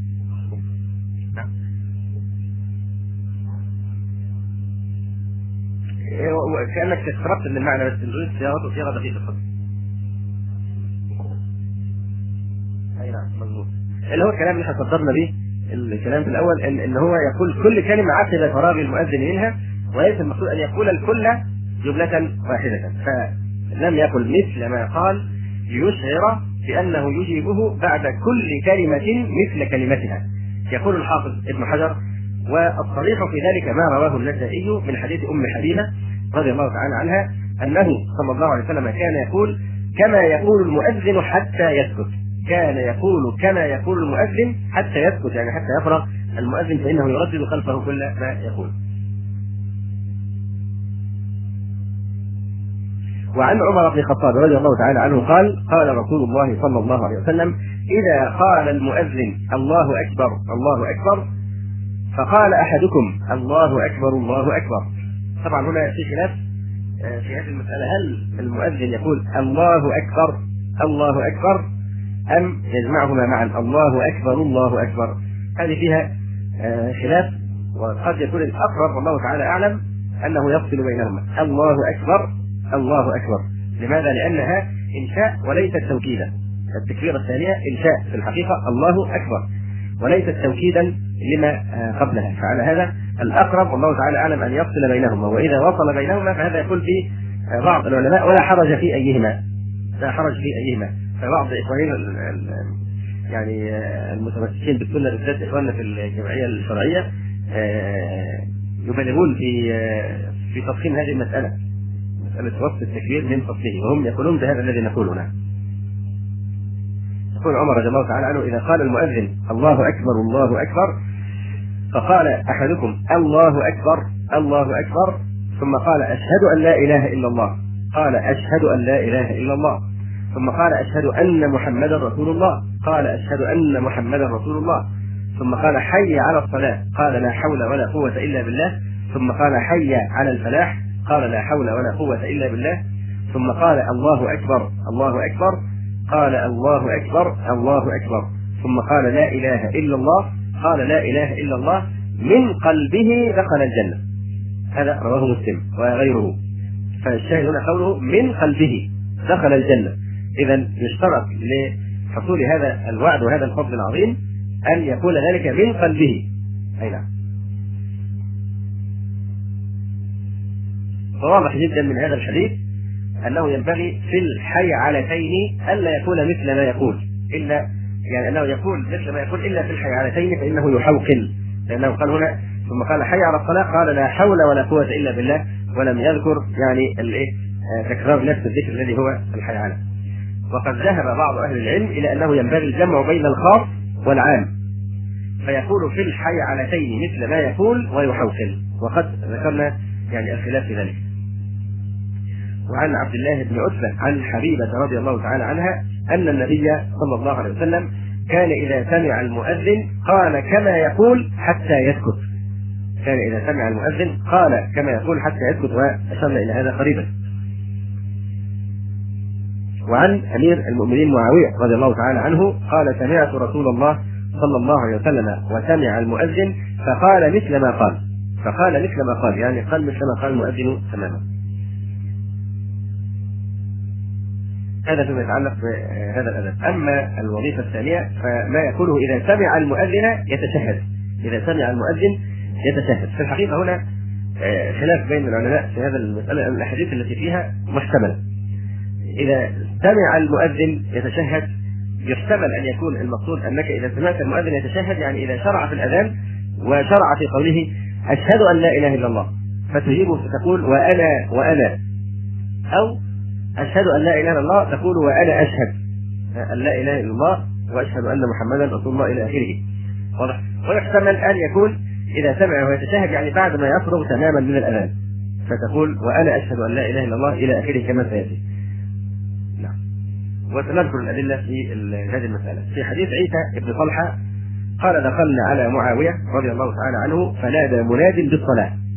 فقال الله أكبر الله أكبر. فقال معاوية الله أكبر الله أكبر. فقال أشهد أن لا إله إلا الله. فقال معاوية وأنا أشهد أن لا إله إلا الله. وأنا أشهد أن لا إله إلا الله. فقال أشهد أن محمدا رسول الله. فقال معاوية وأنا أشهد أن محمدا رسول الله. ولما قال حي على الصلاة قال لا حول ولا قوة إلا بالله ثم قال هكذا سمعت نبيكم صلى الله عليه وسلم. وعن أم المؤمنين الصديقة بنت الصديق رضي الله تعالى عنهما أن رسول الله صلى الله عليه وسلم كان إذا سمع المؤذن يتشهد قال وأنا وأنا. إذا سمع المؤذن يتشهد قال وأنا وأنا. والمقصود يعني وأنا أشهد كما تشهد. وأنا أشهد كما تشهد. والتكرار في كلمة أنا وأنا وأنا. قالوا إنها راجعة إلى الشهادتين. لأن المؤذن قال إيه؟ قال شهادتين. يعني فإذا قال أشهد أن لا إله إلا الله فأنت تقول وأنا.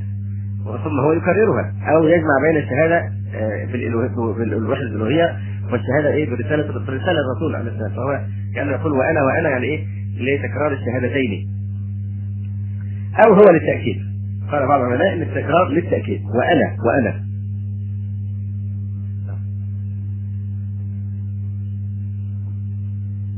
آه، وعن كعب بن أبي وقاص رضي الله تعالى عنه أن رسول الله صلى الله عليه وسلم قال من قال حين يسمع المؤذن حين يسمع المؤذن أشهد أن لا إله إلا الله وحده لا شريك له وأن محمدا عبده ورسوله رضيت بالله ربا وبمحمد رسولا وبالإسلام دينا غفر له ذنبه. غفر له ذنبه. آه قوله طبعا في كلمة أشهد أن لا إله إلا الله وحده لا شريك له. هي المفروض أن الجملة هذه فائدة عابرة ليست من صلب الكلام. أن شهادة لا إله إلا الله وحده إذا كنت حتقف تقف على كلمة واحدة ذاك العادة بعض الناس إذا قال مثل هذا مثلا لا إله إلا الله يقف ويقول وحده لا شريك له. لا هي المفروض لو انت هتاخد تقول لا انسب يعني. ما فيها شيء إذا قلت ذلك لكن انسب وأفضل أن الكلام يتم عند كلمة وحده. لا إله إلا الله وحده. في جملة جديدة لا شريك له. واضح؟ أي نعم. آه، هنا قوله عليه الصلاة والسلام من قال حين يسمع المؤذن المقصود حين يسمع المؤذن يعني صوت المؤذن أو أذانه أو قوله وهذا هو الأظهر. وهو يحتمل أن يكون المراد به حين يسمع تشهده الأول أو الأخير. لأن كلمة أيضا من قال حين يسمع المؤذن. فاحتمل أن حين يسمع إيه؟ اول المؤذن أول ما ينطق. لأنك يصدق عليك أنك سمعت المؤذن إذا مجرد أن يقول الله أكبر الله أكبر. واضح؟ فيحتمل أن تكون ابتداء المؤذن في الأذان ويحتمل أن تكون إحدى الشهادتين. التشهد اللي هو في وسط في أول في وسط الأذان أشهد أن لا إله إلا الله أو التشهد الذي هو في آخر الأذان بدون لفظ التشهد لكنه قولك آه، قول المؤذن لا إله إلا الله. فإذا يحتمل آه، من من آه، من قال حين يسمع المؤذن يعني من قال حين يسمع قول المؤذن أو أذانه أو شروعه في الأذان أو المقصود به تشهده الأول أو الأخير وهو قوله في آخر الأذان لا إله إلا الله. وقال بعض العلماء هذا هو الانسب الانسب أنه من قال حين يسمع المؤذن يعني حين يختم الأذان فيقول لا إله إلا الله. قالوا لماذا؟ لأن الذكر طويل. فأنا أشهد أن لا إله إلا الله أو أشهد أن لا إله إلا الله وحده لا شريك له وأن محمدا عبده ورسوله رضيت بالله ربا وبالإسلام دينا وبمحمد صلى الله عليه وسلم نبيا. لو أن هذا قالوا إن لو أن هذا الأذان لو أن هذا الذكر موضعه بعد قول المؤذن أشهد أن لا إله إلا الله فهذا الذكر الطويل سوف يعطل المجيب من أن إيه؟ يتابع في باقي الكلمات. من الذكر الطويل يعني المؤذن يقول أشهد أن لا إله إلا الله في أول مرة في الأذان. وأنت تقول إيه؟ وأنا أشهد أو أشهد أن لا إله إلا الله وحده لا شريك له له وأشهد أن محمدا عبده ورسوله. رضيت بالله ربا. وبمحمد رسولا وبالاسلام دينا هذه جملة طويلة تقتضي أن يقطع عن مواصلة إجابة المؤذن فيما يأتي من الألفاظ. هذا أحد وجوه الترجيح أن من قال حين يسمع المؤذن يعني بعد فراغه من إيه؟ من الأذان بقوله لا إله إلا الله. بعض العلماء قالوا لا يسمع بمعنى يجيب. يسمع هنا بمعنى يجيب يعني من قال حين يسمع المؤذن يسمع يعني حين يجيب المؤذن. مثل استعمال كلمة يسمع في في الإجابة مثل قول قول قول شيخ الصلاة إيه؟ سمع الله لمن حمده، ما معنى سمع الله لمن حمده؟ يعني أجاب أجاب من حمده فإذا قلنا من قال حين يجيب المؤذن من قال حين يجيب المؤذن فيكون هذا صريحا في أن المقصود أن هذا إنما يقال بعد كلمة بعد آخر عبارة الأذان وهي إيه؟ لا إله إلا الله من هنا سيبدأ في إجابة الإيه؟ المؤذن بعد فراغه من الأذان.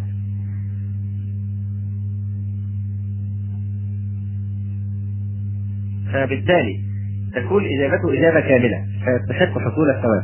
ليه؟ لماذا؟ لأن هو في كل فقرة من فقرات الأذان كان يردد أن يكون مثلها. طبعا ما عدا الحيعلتين كما هو معلوم. ثم بعد ما يفرغ يكمل إجابته حين يسمع المؤذن يعني يكمل هذه الإجابة ان يقول أشهد أن لا إله إلا الله وحده لا شريك له وأن محمدا عبده ورسوله رضيت بالله ربا إلى آخره فحينئذ يكتمل له إجابة المؤذن ويعني ينال هذا الثواب اللي هو غفران الذنوب. وكما أشرنا قال هؤلاء العلماء إن قوله بهذه الشهادة في أثناء الأذان ربما يفوته الإجابة في بعض الكلمات الآتية. أيضا في بعض العلماء كما ذكرنا قال من قال حين يسمع المؤذن أشهد أن لا إله إلا الله إلى آخره يعني يقول إنه يقول ذلك بعد بعد قول المؤذن أشهد أن لا إله إلا الله وأشهد أن محمدا رسول الله. حينئذ يقول هذا الذكر يعني في أثناء الأذان لكن بعد الشهادتين. لوجود مناسبة بين شهادة التوحيد والشهاده بالرساله وبين هذا الذكر أشهد أن لا إله إلا الله وحده لا شريك له وأشهد أن محمدا عبده ورسوله. رضيت بالله ربا وبالإسلام وبمحمد رسولا وبالإسلام دينا. وهناك رواية في صحيح مسلم من قال حين يسمع المؤذن وأنا أشهد وأنا أشهد أن لا إله إلا الله. يعني كأن هذا ظاهرها أيضا أنه يقول عقد كلام المؤذن نفسه. يعني المؤذن يقول أشهد أن لا إله إلا الله فأنت يناسب أن أن يكون هذا هو هو موضعها أنك تقول إيه؟ هو يقول أشهد أن لا إله إلا الله وأنت تجيب بقولك وأنا أشهد أن لا إله إلا الله. وأنا أشهد أن لا إله إلا الله. مثلك. نعم. جاء عن الطبراني أو روى الطبراني في كتاب الدعاء بسند عن أبي هريرة رضي الله تعالى عنه هذا أثر موقوف عن أبي هريرة. قال في المجمع رجال إسناده ثقات. أن أبا هريرة كان إذا سمع الأذان قال وأنا أشهد بها مع كل شاهد وأتحملها عن كل جاحد. وأنا أشهد بها مع كل شاهد وأتحملها عن كل جاحد، أنا انطق بها بدل أو يعني يعني بدلا عن كل الكافرين الذين يشهدون بها فأنا يعني أتحملها عنهم وأنا انطق بها بدلا منهم. آه قال الإمام الطبراني الطبراني رحمه الله في باب ثواب من قال كما يقول المؤذن روى بسند عن عبد الله بن مسعود رضي الله عنه قال خرجنا مع رسول الله صلى الله عليه وسلم في سفر فسمع مناديا وهو يقول الله أكبر الله أكبر. فقال رسول الله صلى الله عليه وسلم على الفطرة. ثم قال أشهد أن لا إله إلا الله. فقال رسول الله صلى الله عليه وسلم خرج من النار. فابتدرناه فإذا هو صاحب ماشية أدركته الصلاة فنادى بها. طبعا قال أولا على الفطرة يعني أنت أوقعت هذه الكلمة على الفطرة التي فطر الناس عليه. الله أكبر الله أكبر. ثم لما قال هذا المؤذن في نهاية الأذان لا إله إلا الله أو قال أشهد أن لا إله إلا الله قال رسول الله صلى الله عليه وسلم خرج من النار. خرج من النار يعني بعدما أن استمع منه بكلمة التوحيد إشارة إلى استمراره على تلك الفطرة. أن هذا الرجل اولا هو على الفطرة واستمر عليها وبقي عليها ولم يتصرف ابواه فيه بان هوداه أو نصره وقوله خرج من النار يحتمل أنه تفاؤل أو دعاء يعني آه، له بالنجاة من النار أو أنه آه، قطع لأن كلام رسول الله صلى الله عليه وسلم حق ووعد الله تبارك وتعالى آه، صدق. من هذه الوظائف القولية بعد الأذان الصلاة على النبي صلى الله عليه وآله وسلم فعن عبد الله بن عمرو بن عمرو رضي الله عنهما أنه سمع رسول الله صلى الله عليه وسلم يقول إذا سمعتم المؤذن فقولوا مثل ما يقول. ثم صلوا عليه فإن من صلى علي صلاة صلى الله عليه بها عشرا. ثم سألوا الله لي الوسيلة فإنها منزلة في الجنة لا تنبغي إلا لعبد من عباد الله وأرجو أن أكون أنا هو فمن سأل حلت له الشفاعة. رواه مسلم. قوله صلى الله عليه وسلم إذا سمعتم المؤذن يعني إذا سمعتم صوته بالأذان. فقولوا مثل ما يقول. ثم صلوا عليه. ثم صلوا عليه. يعني بعد إيه؟ إجابة المؤذن. بعد إجابة المؤذن تصلون على النبي صلى الله عليه وآله وسلم. فإنه من صلى علي صلاة يعني من صلى علي صلاة واحدة صلى الله عليه بها عشرا. أعطاه من الثواب آه، عشرة أضعافها. ثم سلوا الله لي الوسيلة. ثم سلوا الله لي الوسيلة. اختلف. آه، الناس في هذا وذكروا أقوالا عدة ولكن القول المتعين المصير إليه هو ما في هذا الحديث من تفسيره. لأنه إذا فسر النبي صلى الله عليه وآله وسلم لفظة بمعنى معين وجب المصير إليها ولا يجوز العدول عنها إلى ما يخالفها. واضح؟ فلا ينبغي النظر في الخلاف ما هي الوسيلة وقد فسر ذلك رسول الله صلى الله عليه وسلم وبالذات في نفس هذا الحديث. فإنه عليه الصلاة والسلام قال ثم سألوا الله لي الوسيلة. فإنها منزلة في الجنة لا تنبغي إلا لعبد من عباد الله. فهل هناك تفسير أوضح من ذلك؟ واضح. ولا ينبغي أيضا أن تفسر الوسيلة بأنها الشفاعة فالوسيلة شيء غير غير الشفاعة. واضح. وإنما الوسيلة ما هي الوسيلة؟ هي منزلة في الجنة لا تنبغي إلا لعبد يعني واحد من عباد الله آه تبارك وتعالى. وأرجو أن أكون أنا هو. فمن سأل حلت له الشفاعة. فمن سأل حلت له الشفاعة. ولا هنا بمعنى على. حلت له يعني حلت عليه. أو معنى يعني نزلت عليه أو يعني استحقها أو وجهت إليه. يعني ولو ليس المقصود أن حلت له شفاعه يعني بانها الحل يعني بعد الحرمة. فإنها لم تكن محرمة عليه بالقصد لكن حلت يعني معنى الحلول اللي هو أنها تنزل به ويستحقها آه، وتنزل عليه. وروى البخاري عن جابر رضي الله عنه أن رسول الله صلى الله عليه وسلم قال من قال حين يسمع النداء اللهم رب هذه الدعوة التامة والصلاة القائمة آت محمدا الوسيلة والفضيلة وابعثه مقاما محمودا الذي وعدته حلت له شفاعتي يوم القيامة. من قال حين يسمع النداء اللهم رب هذه الدعوة التامة طبعا حين يسمع النداء هنا لابد من آه تفسيرها بأنها إيه؟ بعد إجابة المؤذن بعد إجابة المؤذن وبعد الصلاة عليه صلى الله عليه وسلم. لماذا؟ لأن في الحديث السابق من قال ثم يقول فقولوا مثل ما يقول ثم صلوا علي تبقى ثاني حاجة الصلاة عليه عليه الصلاة والسلام. ثم سالوا الله لي الوسيلة. وفي هذا الحديث الدعاء بطلب الوسيلة. من قال حين يسمع النداء اللهم رب هذه الدعوة التامة والصلاة القائمة آت محمدا الوسيلة والفضيلة وابعثه مقاما محمودا الذي وعدته حلت له شفاعتي يوم القيامة. من هذه الوظائف القولية أيضا بعد الأذان الدعاء بعد الأذان. فعن عبد الله بن عمر رضي الله تعالى عنهما أن رجلا قال يا رسول الله إن المؤذنين يفضلوننا وهكذا كما تعلمون يعني همة الصحابة كانت عالية جدا في الابتداء والتنافس في الخيرات. فلما يعني رأوا رأى الفقراء المسلمين أن الأغنياء يسبقونهم بالصدقة ذهبوا إلى الرسول عليه والسلام ويعني اشتكوا له ذلك فدلهم على الأذكار المعروفة التي تقال في يعني عقب الصلاة. كذلك هنا لما علم ما في الأذان من الفضل العظيم والشرف العالي حزنوا لذلك وذهبوا إلى النبي صلى الله عليه وسلم وقالوا يا رسول الله إن المؤذنين يفضلوننا يعني يحصل لهم فضل ومزية علينا في الثواب بسبب الأذان. ويعني المؤذنين يفضلون يعني هذا خبر يعني هو المقصود بإيه؟ فما تأمرنا به من عمل نلحقهم بسببه فما تأمرنا به من عمل نعوض هذه الأفضلية بأن نلحقهم وندرك درجتهم عند الله سبحانه وتعالى. فقال رسول الله صلى الله عليه وسلم: قل كما يقولون فإذا انتهيت فتل تعطى. قل كما يقولون فإذا انتهيت فتل تعطى. ومعنى قل كما يقولون يعني قل كما يقولون إلا عند الحي علتين كما مر. وبينا ذلك فيحصل لك الثواب مثلهم. ثم أفاد زيادة على الجواب فقال فإذا انتهيت يعني إذا فرغت من إجابة المؤذن فتل يعني اطلب من الله سبحانه وتعالى حينئذ ما تريد تعطى أي يقبل الله دعاءك ويعطيك سؤالك. فهذا يدل على أن الوقت بعد إجابة الأذان هذا من أوقات إجابة الدعاء. وأنه يمتد كما سيأتي في الحديث الثاني إن شاء الله يمتد حتى الإقامة. فهذه من أوقات إجابة الدعاء. من كان عنده يعني حاجة أو له حاجة إلى الله سبحانه وتعالى فهذه من من مظان إجابة الدعوة. ان يدعو مباشرة عقب الأذان؟ عقب هذه الأذكار؟ إلى ويمتد ذلك إلى يعني إقامة الصلاة كما سنبين إن شاء الله. وخوف فهنا هذا الرجل قال يا رسول الله إن المؤذنين يفضلوننا. فقال رسول الله صلى الله عليه وسلم قل كما يقولون فإذا انتهيت فتل تعطى إذا انتهيت من الإجابة فتل تعطى قال الحافظ ابن حجر إسناده حسن وصححه ابن حسان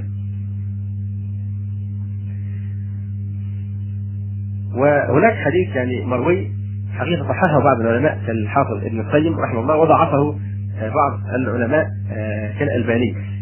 والترمذي الذي رواه قال هذا حديث حسن صحيح.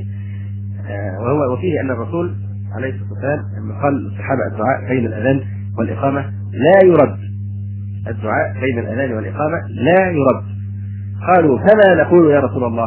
قال سلوا الله العفو والعافية في الدنيا والآخرة. سلوا الله العفو والعافية في الدنيا والآخرة. لكن الحقيقة الحديث مختلف في تصحيح الزيادة الأخيرة فيه. لكن أصل الحديث صحيح. اللي هو الطرف الأول اللي هو الدعاء بين الأذان والإقامة لا يرد هذا صحيح. لكن تخصيص الدعاء بسؤال العافية في الدنيا والآخرة أو العفو والعافية في الدنيا والآخرة هذا في خلاف في تصحيح هذه الزيادة. وعن سهل بن سعد رضي الله عنه قال قال رسول الله صلى الله عليه وسلم سنتان لا تردان. أو قال قلما تردان. سنتان لا تردان. أو قال قال قلما تردان. الدعاء عند النداء وعند البأس حين يلتحم بعضهم بعضا.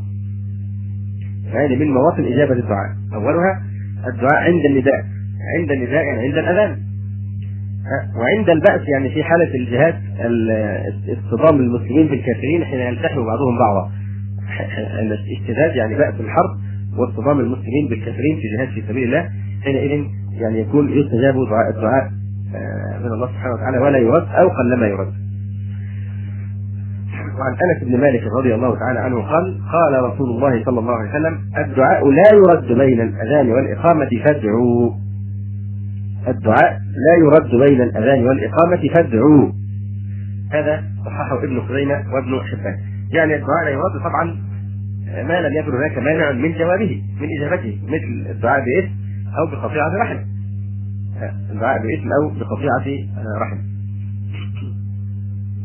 في الحقيقة الجماعة الذين يشوشون على المصلين في المسجد أو الذاكرين الله سبحانه وتعالى حتى لو كان ذلك بالقرآن كما يحصل في البدع الموجودة في بعض المساجد بعد اذان الفجر أو بعد العصر يقرأ المؤذن يعني المقرئ بصوت مرتفع في الميكروفون وهذا في أذية شديدة جدا للناس هذا منهي عنه صحيح هو قرآن كريم وأعظم ما يتقرب به الله من الذكر لكن لماذا تشوش على الآخرين؟ لماذا لا تترك كل واحد يتعبد في القرآن وبتلاوه القرآن في نفسه؟ أو يريد أن يخلو بالله سبحانه وتعالى يدعو في وقت إجابة الدعاء، لماذا يحصل مثل هذا التشويش؟ يعني هذا من شؤم هذه البدع آه التي أحدثت آه في الدين وليست من هدي منهجه خير الهدي صلى الله عليه وآله وسلم. طبعا جاء بعض الأحاديث أو جاء حديث مروي عن أبي أمامة أن بلالا رضي الله تعالى عنه قال في أثناء الإقامة يعني قد قامت الصلاة فقال رسول الله صلى الله عليه وسلم أقامها الله وأدامها هذا الحديث ضعيف. فيه مجهول وفيه ضعيفان. ولذلك ضعفه البيهقي والنووي والحافظ ابن حجر. فلا يصح عن النبي صلى الله عليه وسلم أنك إذا قال المقيم قد قامت قد قامت الصلاة أنك تقول أقامها الله وادمها هذا لا يصح عن النبي صلى الله عليه وسلم. ليس هذا فحسب. يعني بجانب ضعف الحديث كما ذكرنا فيه مجهول وفيه ضعيفان أيضا. فهذا مخالف لعموم قول النبي صلى الله عليه وسلم إيه؟ فقولوا مثل ما يقول. فقولوا مثل ما يقول. يعني واحد يقول طب أنا هقول هذا هقول هذا الذكر يعني ما يضر حتى لو لم يصح. اقامها الله وهذا يدعو باستمرار الصلاة وثباتها. نقول له إن الرسول عليه الصلاه والسلام قيدك بقوله فقولوا مثل ما يقول ولم يثبت عنه آه، يعني هذا آه، الدعاء. عن سعد رضي الله تعالى عنه أن رجلا جاء إلى إلى الصلاة ورسول الله صلى الله عليه وسلم يصلي. فقال حين انتهى إلى الصف اللهم اتني أفضل ما تؤتي عبادك الصالحين.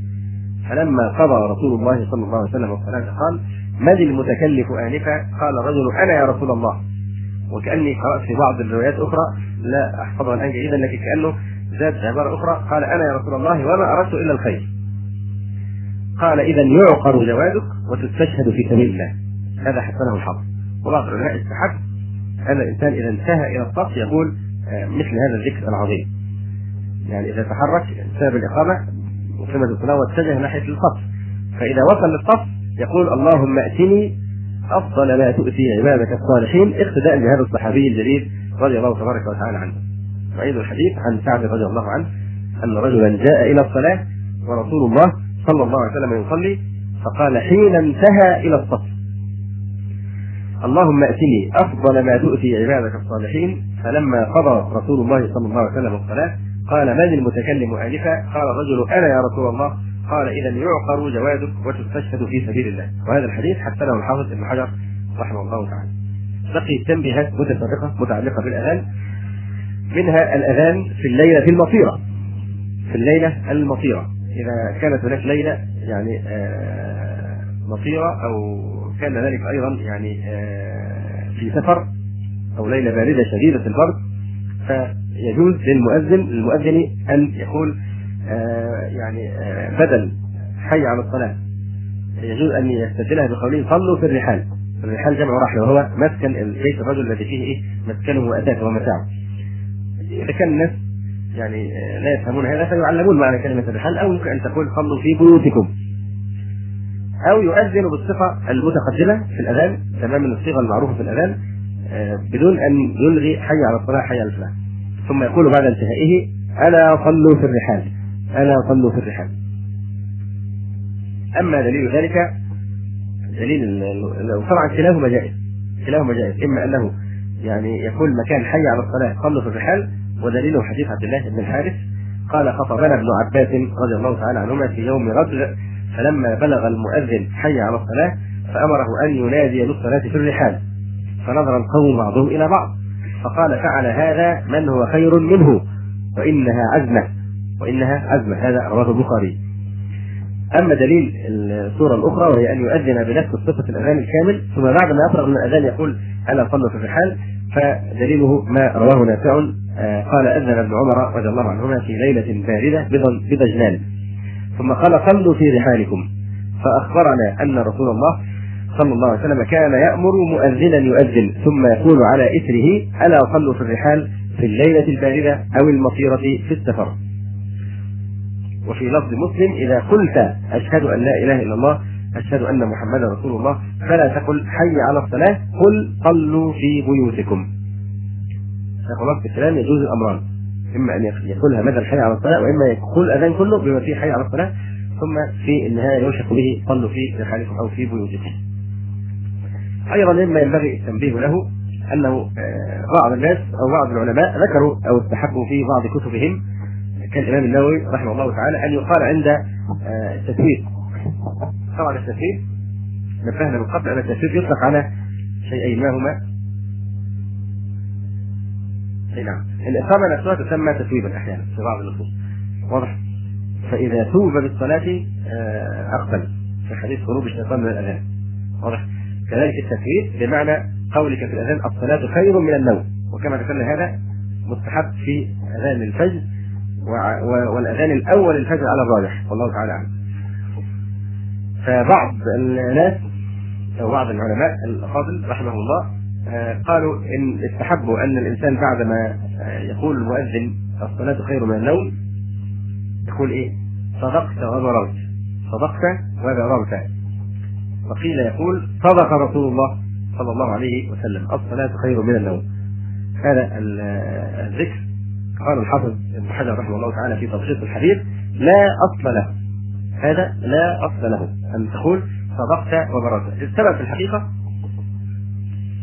آه، هنا في هذا الموضع وفي موضع الحيعان أيضا. يعني قالوا قال بعض العلماء إن الذي يجيب المؤذن لو أنه حينما يقول مثلا حي على الصلاة فالمؤذن المجيب اللي هو بيسمع الأذان إذا قال حي على الصلاة قالوا يشبه هذا حال المستهزئين قال هذا حال يكون مثل المسلم لأن هو في الحقيقة لا يدعو الناس إلى الصلاة. الذي يدعو هو المؤذن. فناسب أن يقال لا حول ولا قوة إلا بالله ولا يقال مثل ما يقول المؤذن تمام الحي على الصلاه هذه خاصيه المؤذن. قال هنا كذلك. إذا قال الصلاة خير من النوم فهو يقول ذلك لأنه مؤذن وينبه الناس حتى يستيقظوا فقالوا إنه أيضا إذا قلت أنت أيضا الصلاة خير من النوم فيشبه إيه؟ آه، حال المستهزئين إنه بيردد الكلام اللي هو إن واحد يقول كلام يسخر منه بأن يكرر نفس الكلام بطريقة. طبعا هذا مجرد تشبه. لكن في الحقيقة هذا الكلام غير صحيح. لا يمكن أن يكون يقول يقول لنفسه الصلاة خير من النوم. يقولها في نفسه إن في يؤكد أن الصلاة خير من النوم. فهذا بعيد. يعني تعليل ذلك بأنه لا يقول مثل ما يقول خشية أن يكون متشبها بحال المستهزئين هذا لا يقوم عليه دليل.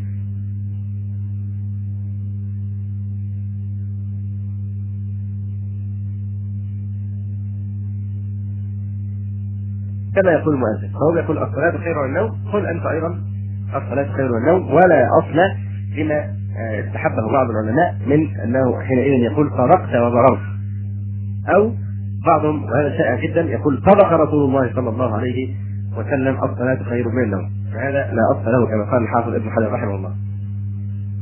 كذلك من الأحاديث الضعيفة والمشهورة على ألسنة الناس وفي بعض الكتب حديث أم سلمة أو حديث المنسوب إلى أم سلمة رضي الله تعالى عنها قالت علمني رسول الله صلى الله عليه وسلم أن أقول عند أذان المغرب اللهم هذا إقبال ليلك وادبار ادبار نهارك وأصوات دعائك وحضور صلواتك فاغفر لي.